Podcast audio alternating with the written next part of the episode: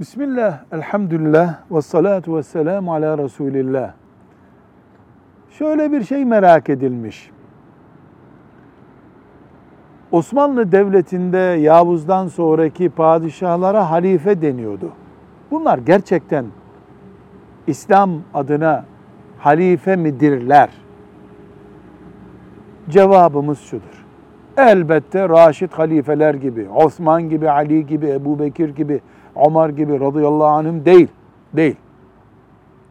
Çünkü halifenin Kureyş'ten olması şarttır. Kureyş sülalesinden olmasını istiyor. Sallallahu aleyhi ve sellem Efendimiz. El eimmetu min Kureyş buyuruyor. Osmanlı halifeleri Kureyş'ten değiller. Ama Abbasiler, Emeviler ne kadar İslam halifesi olarak anıldılarsa, Endülüs'teki Emeviler ne kadar İslam halifesi olarak anıldılarsa, o şartlarda ve o standartlarda Osmanlı halifeleri içinde İslam halifesi demek mümkündür, denmelidir.